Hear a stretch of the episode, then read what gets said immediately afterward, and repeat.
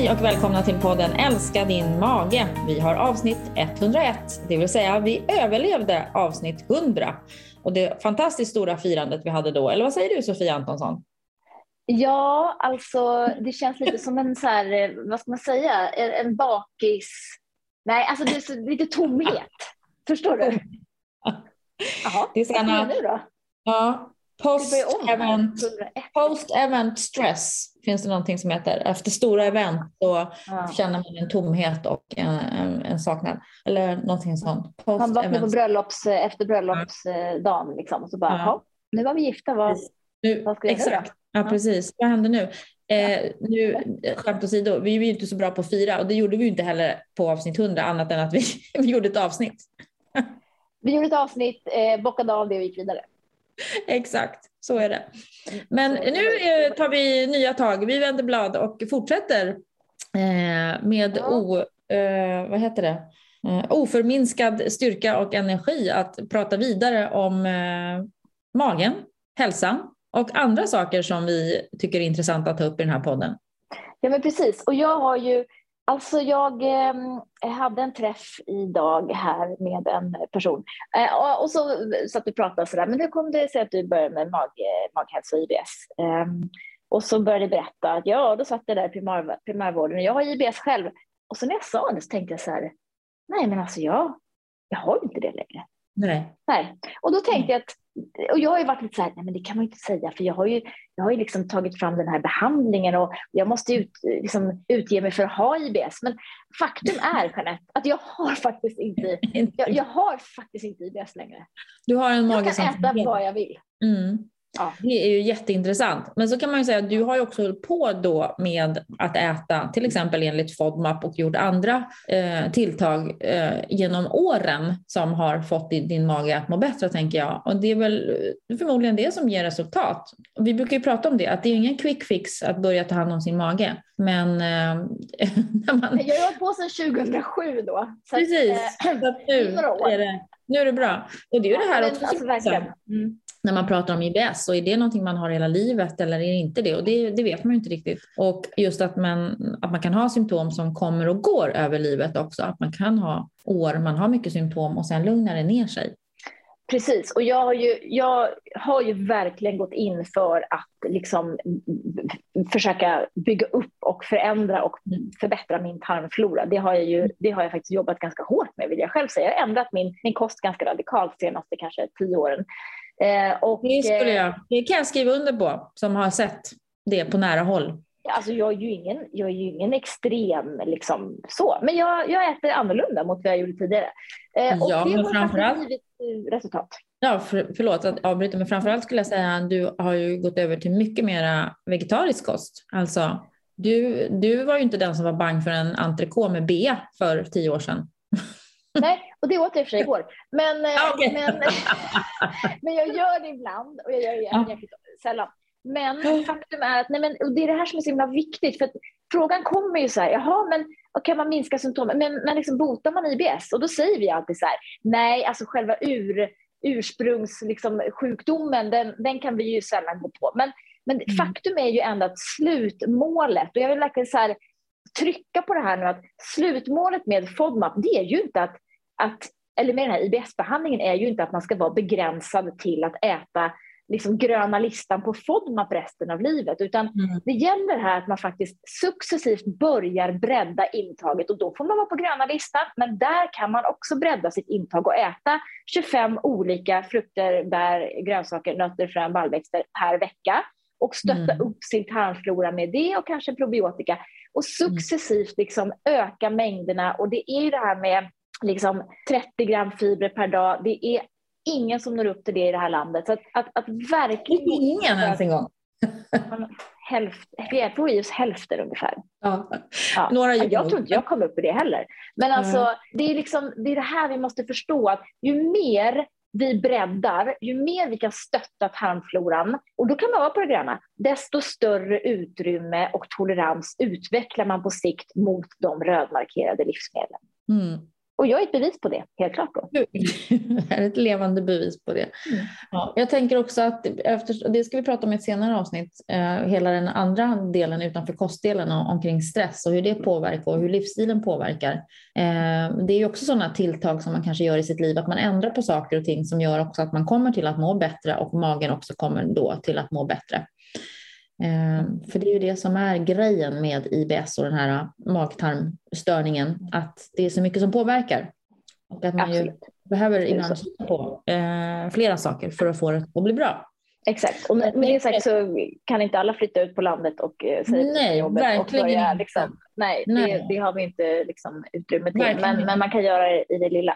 Ja, man kan faktiskt också bara tänka på en sak som jag tycker jag upplever ibland när man träffar patienter, att man, eh, magen har kraschat någon gång för några år sedan eh, och eh, man vet att man lever ganska stressigt liv, ehm, eh, har en hög stressnivå och man har haft det genom många, många, många år. Men det har ju gått jättebra tills det inte gick bra längre. Eh, och man kan då kanske säga, men jag känner mig inte så stressad just nu, eller det är inte värre än vad det har varit tidigare. Men jag tänker att man måste ha förståelse för att det man har gjort under många, många, många år, det påverkar våran kropp. Och, och ibland så kommer man dit att det liksom, kroppen säger ifrån. Och det, ja. det verkar som att, att en del tänker att nej men gud, min mage har fungerat så himla bra. Jag kunde göra precis vad som helst. Mm. Ja, men det kanske är nu den har sagt ifrån då. Eh, du kanske inte kan fortsätta med det. Nej men verkligen, så, så är det ju säkerligen hos, hos en del. Det sätter sig mm. i magen eller sätter sig någon, någon annanstans, det vet vi också. Men som mm. sagt, jag, jag, jag vill verkligen eh, liksom belysa att det vi håller på med är ju inte någon elimineringskost för resten av livet. Och att det, att det, liksom, utan målet är ju att, att bygga upp tarmfloran och då pratar vi inte bara utifrån IBS utan nu vet vi att tarmfloran är ju liksom jätteviktig för en, en rad av mm. våra andra då, stora folksjukdomar. Så att det, det finns ju det finns ju inget liksom, något, något, något, negativt med att, att jobba på det här viset, utan det bör vi ju alla göra så mycket vi bara orkar. Verkligen, verkligen. Mm. Och det är precis som du säger, att man tänker att ja, liksom det är ett, ett långsiktigt tänk. Det här är någonting som gäller hela livet och att man varje dag kan ta små beslut som gör att det blir lite bättre än vad det var. Precis. Igår. Jag har nu blivit av med min IBS tillfälligt. Jag ska inte ropa hej, den kan komma tillbaka. Mm. Det vet mm. du. Så att, du kan väl säga till när du har fått IBS då, du som aldrig haft det. jag satsar nog på att jag inte ska få det faktiskt.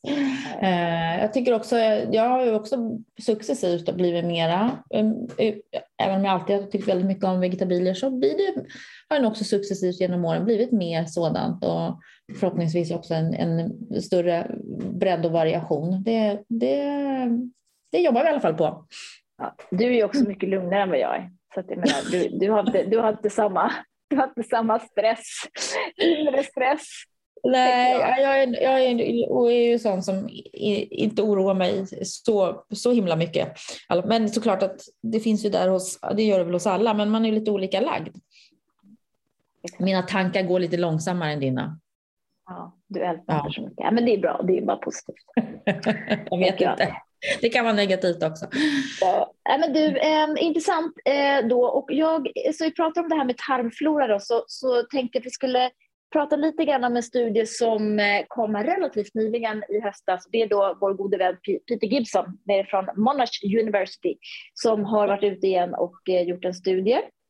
Vi har ju tidigare pratat om tarmflora-signaturer hos personer med IBS. Det här har Magnus Synrén bland annat belyst.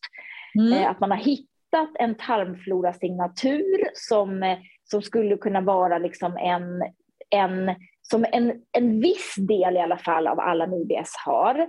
Eh, mm. och eh, här har man nu gjort en studie som ju faktiskt lite grann är på samma tema. Man har tagit personer då med en grupp med IBS och en grupp då utan IBS, eh, men som då eh, vad jag förstår levde tillsammans ändå. Så det var ungefär inom samma familj då. Mm. Och eh, gjort lite eh, såna mikrobiala prover, det vill säga avföringstester, eh, mikrobiomanalyser på de här personerna då innan och sen har man givit dem en låg FODMAP-kost under fyra veckor.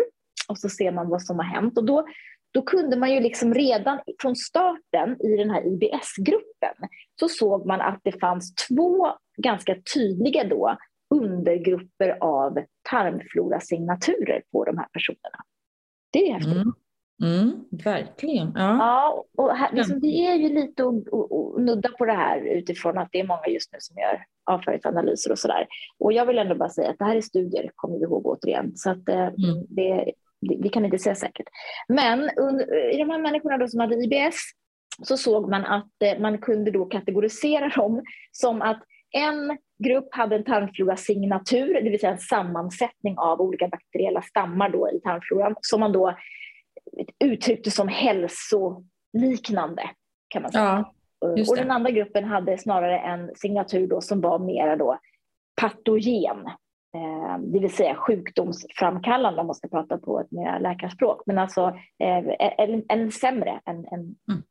ja, ska man säga, ilskna eller mm. elaka bakterier. Elaka bakterier, ja precis. Mm. Eh, så. Um, och det var då firmicutes och det var Clostridium difficile och lite sådana där olika som man hade i den här patogena gruppen och en ganska låg då, eh, andel av nyttobakterier, eh, Bacteroides släktes. Då, då.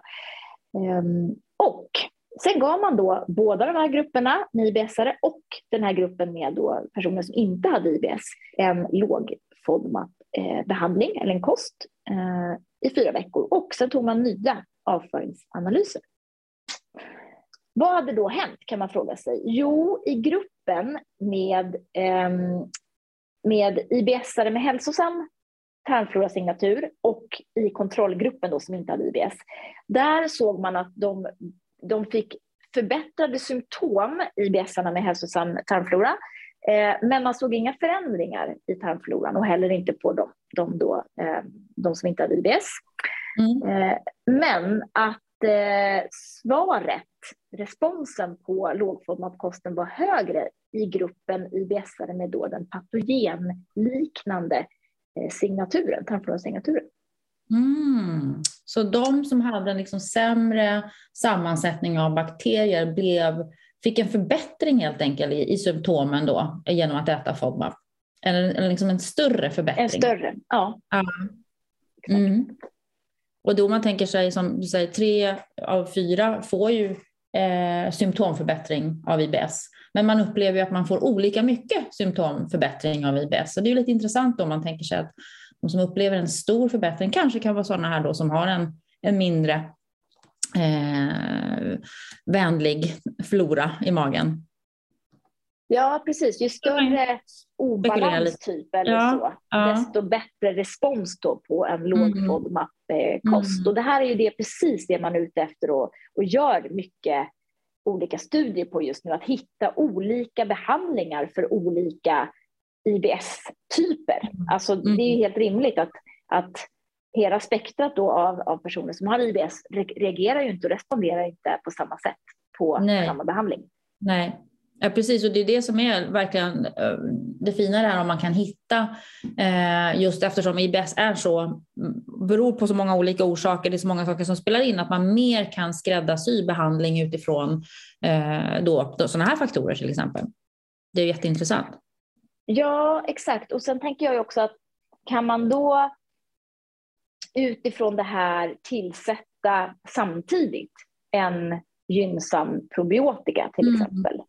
Mm. Eh, så är det. Nu säger ju inte den här studien någonting om det som vi har sett tidigare studier, att eh, bifidobakterier minskar under elimineringsfasen. Det har de ju inte sett, eller så har de inte tittat på just bifidobakterierna i den här studien. För det har vi ju fått till oss att, att man har sett hos personer med IBS, att man har en lägre andel och att andelen bifidobakterier under elimineringsfasen tenderar att eh, bli lite färre. Då.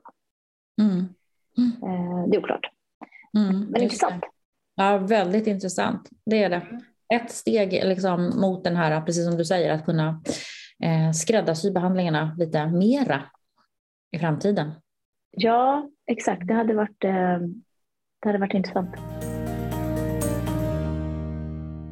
Vi är sponsrade av Alflorex eh, ett probiotiskt tillskott med en eh, jättefin bakterie som heter bifidobakterium longum 35624. Vad gör då lilla bifidobakterien? Jo, den agerar eh, lite sådär eh, hälsosamt kan man säga i vår tjocktarm.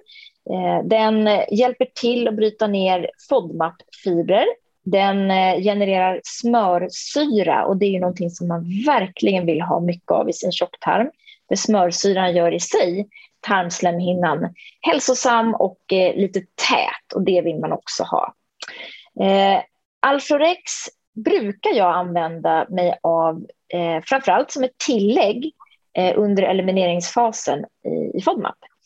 Eh, och anledningen till det är ju dels att man vill ha lite hjälp att bryta ner de bråkiga fibrerna men också faktiskt för att man har sett att i, under elimineringsfasen så tenderar mängden bifiberbakterier att minska lite grann eftersom man tar bort eh, bland annat då lök och vitlök som är den naturliga födan till de här bakterierna.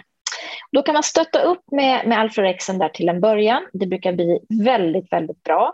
Eh, och Alforex tar man en kapsel per dag och gärna med mat eh, till frukost. Eh, och då får man ännu mer gärna ta den med lite fil och yoghurt. Då har man sett att överlevnaden av bakterierna är extra bra.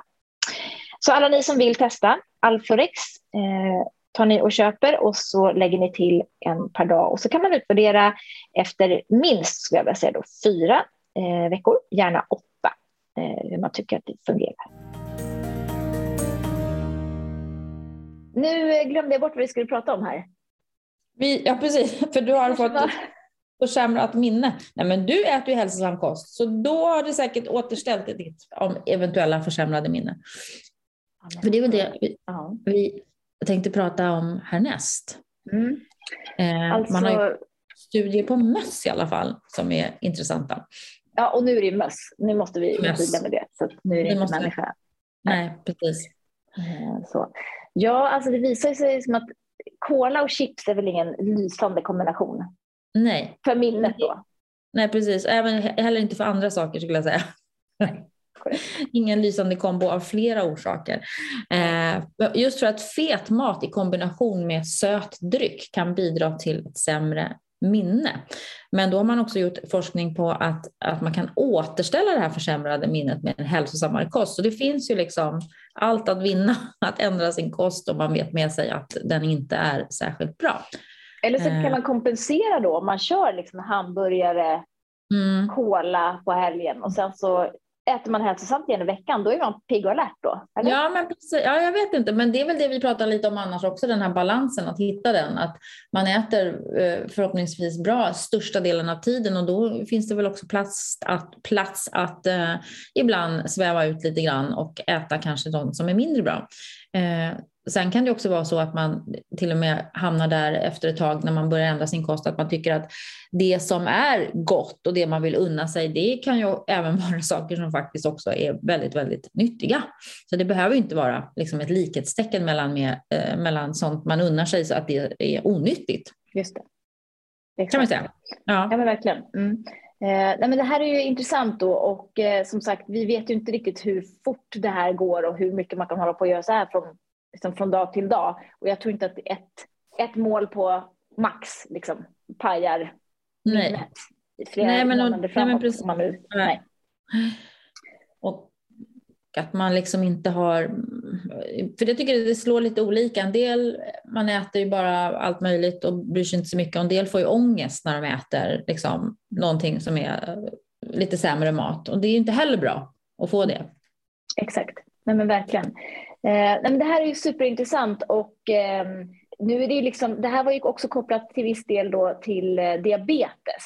Mm. Eh, och att man har sett i, eh, i eh, tidigare studier att det finns ett samband mellan typ 2-diabetes och minnesförändringar hos människor. och något liknande samband också kopplat till, till övervikt. och det är ju klart att jag menar, det hade bara varit intressant att veta vad, nu har de ju mätt lite så här metaboliter helt enkelt eh, utifrån liksom, vad är det för någonting som egentligen händer i kroppen och vilka produkter är det då som, som tillverkas och vad är det då som, var sker de här förändringarna? Och här var det ju då de som fick fett och sockerrik kost visade då förändringar i hippocampus och hjärnbarken då. Och det är just det som är det där vi lagrar och, och styr våra minnen ifrån. Mm. Eh, så att eh, det är det här som är då intressant hur, hur de här, man kan hitta olika metabola profiler här, precis som i tarmflorasignaturen. Um, och, och uh, förändringar då som uppstår i hjärnan som, som, som då kan påverka kommunikation mellan hjärnceller men också celldöd. Mm. Och den känns ju ganska irreversibel. Har, har cell, hjärncellerna dött, då har de liksom dött. Ja, men de kan nog producera nya. Ja, maybe. Ja. ja, men man vet inte riktigt. Men just det står inte hur länge eller så här heller. Hur liksom, eh, så. Men, men det är väl jätteintressant eh, mm. eh, hur, hur, eh, hur man faktiskt kan påverka den här plasticiteten, att hjärnan faktiskt är föränderlig på många Precis. sätt. Att den kan, eh, vissa förändringar som är orsakade, att de kanske då kan vara, att det kan vara reversibla, att det går liksom att återställa igen. Eh, och jag tänker, som de säger här lite grann också, att, att kan man visa att det här gäller även för människor? Och då tänker jag så här, men det kan väl inte vara så svårt att göra en sån studie. Om man hittar människor som äter inte så bra kost eller väldigt dålig kost och så gör man liksom kognitiva eh, eh tester på de människorna och så får de vara med i en studie, såklart frivilligt, att äta då en väldigt bra kost under mm. x antal veckor, månader och så ser man, gör man samma tester. Det måste gå att kunna göra. Ja, alltså utmaningen är ju det etiska och det är ju att man inte får ge människor fett och sockerrik kost i studier, utan då måste de få äta typ, ja. man måste identifiera då, för, precis som du säger, så här, vi, vi hittar mm. några, ät bara som ni brukar göra, så ja, men precis. de som äter mest eh, skräpmat helt enkelt. Exakt, exakt. Mm. Och så kan man göra, ja, jag menar, man, ja, det borde gå. Ja, vi får se, det kanske kommer. Prova, kan jag ansöka? Ja, Eller forskningsanslag. Ja, du menar så. Jag trodde jag skulle ansöka till att vara med i en sån studie. Ja, men precis. Ja, men du, och då, då, raskt då, då från liksom fett och socker till eh, fortsatt till fett, men kanske inte så mycket socker. Och då blir man lite glad när man då läser att eh, ny, nyheter om eh, hur mycket choklad per dag man ska äta för att förbättra tarmfloran, jo tackar, och mm. humöret. Mm. Ja, underbart ju. Mycket härligt. Alltså det här är ju mumma att läsa det här. Alltså då, och det här är då frivilliga, friska deltagare i en ny dubbelblind och randomiserad studie. Det är hög, högt rankad studie. Mm. Mm. De fick då äta 30 gram mörk choklad, 85 eller 70 procent kakao, eller ingen choklad per dag mm. under tre veckor. 30 gram per dag. Och så ville man då eh, mäta nivåer av en särskild bakterie, Blautia obleum. Och sen mätte man då dessutom deltagarnas humör. Precis. Eh, och den här bakterien, Blautia, Blautia obleum, den var inte så lätt att uttala, har man då sett eh, att eh, friska personer då som har högre nivåer av de här bakterierna ehm, eh, en, förlåt, friska personer har högre nivåer av de här bakterierna än mm. Patienter med psykiatriska besvär, depression, autism, schizofreni. Så den här vill man gärna ha mycket av då förstår jag i, i tarmen. Och mm. Eh, den är också viktig då i informationsreglering och signalering mellan tarm och hjärna, det vill säga kan påverka vårt, eh, vårt humör helt enkelt. Precis, har man sett på i djurstudier i alla fall. Det sen, ja. Mm. Men, men och, och, intressant då att de se, kunde se då att de som hade ätit den här, det var 85 procent i choklad, så fick ett signifikant eh, mer av den här eh, bakterien. Mm. Och de som fick det också upplevde ju att de fick ett bättre humör, att när de här nivåerna steg. Mm. Mm. Och så att, liksom att, att just den att, att kakao kan fungera då som eh, konstaterat deras fynd då indikerar att kakao kan fungera som en prebiotika att, eftersom den kan förändra tarmflorans sam, sammansättning.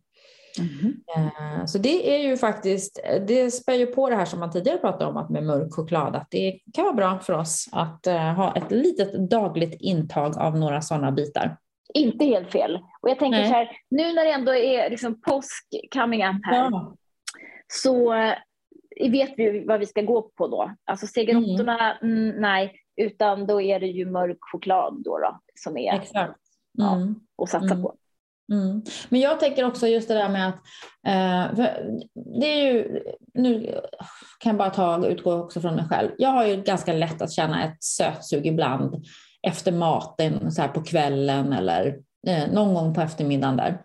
Att då liksom eh, ge sig själv den tillåtelsen att ja, men jag kan äta två sådana här bitar mörk choklad varje dag. Det, är liksom, det ingår i min dagliga kost och jag vet att det gör gott. Det är ju fasiken, det är win-win liksom. Ja men det är det verkligen. Ja, eh, och jag, sen är det nog ganska många som inte gillar mörk choklad. Tror du inte det? Ja, men då får man lära sig det. Det har jag gjort. Mm. Att man kan börja på 70 procent och sen arbeta ja, sig 85 exakt. är rätt tuff. 95, det, där det, pratar vi... Den är tuff, ja. Men man börjar på 70 precis som du säger och så får man jobba sig uppåt mot 85. Precis, 70 procent mintsmak. Sen kan man ta bort minten och sen kan man gå upp till 85. Precis. ja, men det är väl, det är väl ja. en bra, ja. rimlig liksom, dagsdos. Jag, jag anmäler mig till denna studie frivilligt. Jag ska ingå i detta. Eh, jag ska från och med idag börja med det. Mm. Varje dag och så kan vi pratas vid om, om eh, någon månad eller så, se om jag mår, är ännu gladare. Exakt. Mm. Det, det, kan vara, alltså jag, jag, tänker så här, det är också svårt att utvärdera ett, ett, humör på en person som inte är nedstämd utan som, har ett, liksom, ett, ett, som anses vara liksom normalglad.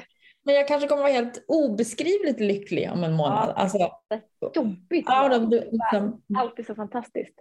Ja, precis. Vi får se. Mm, okay. men, men jag anmäler ja. mig frivilligt. Jag börjar idag. Ja. Kör, kör, kör. Och, kör, och kör. Då, jag tänker så här att äh, mörk choklad då är ju givet på påsk, äh, i påskägget. Mm. Helt enkelt kanske inte för barnen, men eh, i övrigt så vad, vad, vad, tänker vi FODMAP? Vi pratar ju mycket FODMAP kring midsommar, jul och påsk och så brukar vi skämta och säga att ja, det är samma sak varje år eh, och varje mm. högtid så är det samma saker. Men det är inte, påsken är ändå lite annorlunda tycker jag. Ja, det tycker jag också. Alltså, eh, vi pratar, brukar ju skoja som du säger, sill och lax, det ingår ju liksom alltid i alla våra högtider och det gör det väl även i påsken till dels. Men jag tycker också att påsken innehåller Eh, det, då kommer ju liksom det här primörtänket och liksom man vill ha lite fräscha grejer, tycker jag, mera än vad man tänker på kanske omkring jul, eh, den högtiden. Och, eh, och då, ibland då blir det att man stöter på patrull då när man försöker äta enligt FODMAP och vet att man måste begränsa vissa saker. Eh, men, men jag tycker, när man bläddrar igenom, det finns ju så mycket recept på nätet, sociala medier. Eh, bra att hitta några som man tycker inspirerar en, som man följer. Eh, och sen tycker jag att man liksom, ju ofta, det har ju vi jobbat med i många, många år, att hur ändrar man ett recept så att det blir mera FODMAP-anpassat? Eh, och då dök jag på två saker som jag ska göra här vid postbordet. Vi är ju, eh, min sambo och jag och alla våra eh, sammanbragda barn och respektive, många vegetarianer Eh, och såklart en med IBS. såklart, höll jag på att säga. Eh, så det, är alltid, liksom, det finns ju alltid i åtanke när vi lagar mat till allihopa. Eh, jag dök på en eh, fräsch sallad jag ville göra med eh, man gör, lägger ägghalvor, man tar den här eh, röda salladen som jag nu tappade namnet på. Kan du? Rosé? Rosé, precis. Man lägger ut roséblad, mm. man tar ägghalvor som är lite så här lagom krämigt kokta. Man grillar sparris. Eh, och sparris, den gröna sparrisen, för den kommer ju nu. Och den är ju begränsad, men då kan man också tänka sig, man, man använder ju den lite mer, man grillar den och lägger upp den på det här fatet där man har lagt ut bladen, äggen, eh, de här sparrisarna, man, man liksom toppar med dem och då kan man ju välja då hur mycket sparris man vill äta, bara använda det som en liten smakförstärkare. Eh, till den här salladen var det också röd lök som man skulle baka i ugnen. Då kan man välja en, en rotfrukt man bakar eh, eh eller rostar. Morötter, mm. rotselleri är jättehärlig. Så här, sötma, mm. mycket smak. Man rostar det i bitar och använder den här. Och sen så skulle man nämligen eh, smälta lite smör, hacka lite hasselnötter och dutta det på den här, sprinkla det i den här salladen. Eh, och det tror jag blir jättegott. Alltså, ja, brynt. Och snyggt. Ja, och snyggt. Det, mm. Min sambo är fortfarande väldigt upptatt av idén att nästa bok ska heta Lugn mage med brynsmör. eh, det är, alltså, ursäkta mig, men brynsmör, det, kan man, det gör ju allting. Ja, liksom ja, underbart. Mm. Och sen lite crunch från så här lite hasselnötter och det är ju begränsat i FODMAP men det blir ju inte så mycket när man tänker att man, man gör en sån här sallad till, till många personer. Man får i sig ganska lite av det då per portion. Mm. Mm. Eh, en annan eh, rätt jag tänkte göra det var det här, jag gillar ju att göra mat på plåt, att man får många, liksom lätt att rosta mycket olika saker i ugnen. Då var den här med smashed potato, det är ju ganska trevligt att göra. Mm. Koka potatis och så smashar man den lite grann upp på en stor plåt, man ringlar på olivolja, eh, kryddar på och sen var det visst eh, lite halloumibitar skulle med där och så var det där också lök, men då kan man ta den gröna vårlöken och hacka upp den och choppa över. Mm. Eh, det här skulle man rosta i ugnen och så skulle man strössla lite basilikablad, lite citronzest på när det kom ut i ugnen och där kan man ju lägga på andra grönsaker också, zucchini, eh, vad heter det, aubergine, eh, lite paprika, bitar eh, och rosta och sen så servera det på fatet. Det, blir, det är väldigt fräscht tycker jag. Trevligt. Bra, bra tips. Och det är, mm. Jag tycker att både Mersmak och Buffé, alltså Coop och Icas tidningar, ja. är ju bra. Um, jag kikar på ett recept på Coop här som heter matjessill med brynsmör och potatiskräm. eh, lite lagad ost på. Alltså det är ju så himla mm. fräscht och eh, helt FODMAP-vänligt, rakt mm. av. Så att mm. gå in och kika och sen är det ju inte så att det är liksom, det går ju att byta ut ingredienser. Ja, ja. Det går. Det, jag skulle nästan våga påstå att det, ja, det ska vara löksoppa då, men annars kan man ju i stort sett göra, laga allting eh, på ett FODMAP-vänligt sätt. Exakt. Skulle jag säga. Eh, ja. Så det är väl egentligen vårt, vårt så här, eh, tips överlag eh, när det gäller högtider och eh, stora tillställningar och sådär. Man sitter och äter mycket och sådär. Röra på sig, bestämma vad man ska äta innan, eh, liksom försöka tugga ordentligt, inte ta mer än, än nödvändigt och eh, ja, försöka liksom undvika de värsta FODMAP-bomberna helt enkelt. Mm, ja, tänk lite hinken där igen. Liksom, vad, vad väljer jag att fylla i min hink eh, på de här högtiderna så att det inte blir kaos i magen och allt svämmar över, utan välj, välj ut godbitarna och njut av dem. Exakt. Mm. Ja, nu blir jag sugen. Nu, nu, nu tänker jag att jag ska börja förbereda påskmaten här. Ja, eller hur? Och just, jag skulle också vilja säga någonting, det här med rädisor. Mm. Det är ju det är lite underskattat. Ja, om de är så små och späda och inte så stora och träiga. Nej, men man kan just, att man skivar rädisor väldigt tunt, det är en himla bra krydda också att ha i sallader, inte att glömma. Just det, kan man lägga lite kallt vatten så blir de så här krispiga goda. Ja, men precis. Och det är också sådana här primörer som kommer nu, mm. eh, som är fräscha. Mm. Mm. Ja, men det är bra. Nej, men det, känns ju, det känns ju påskigt när man sitter här och kikar ut och det bara är halv snöstorm ute. det är april. Ja, det är faktiskt aprilväder. Det kan vi inte ja. göra något Och det är också Nej. bra att lära sig hantera. Vad kan man göra någonting åt? Det är Exakt. någonting man kan äh, agera på och vissa saker som man inte kan göra någonting åt och det ska man inte låta sig uppröras över. Nej, jag går och gör en soldans eller något. Gör det. Ja. Det var allt för eh, dagens avsnitt då. Det var det. Ehm, då får vi ju passa på och önska alla en trevlig påsk. Hoppas ni kan vara lediga lite grann och njuta av ett förhoppningsvis härligt påskväder.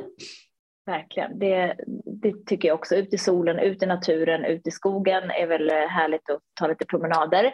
Eh, vi påminner ju om att Eh, ladda ner appen Belly Balance och eh, prova den. Första fyra stegen är ju gratis och ni kan prova streckkodsläsaren där en vecka också om ni vill ut och botanisera i, eh, i butiken.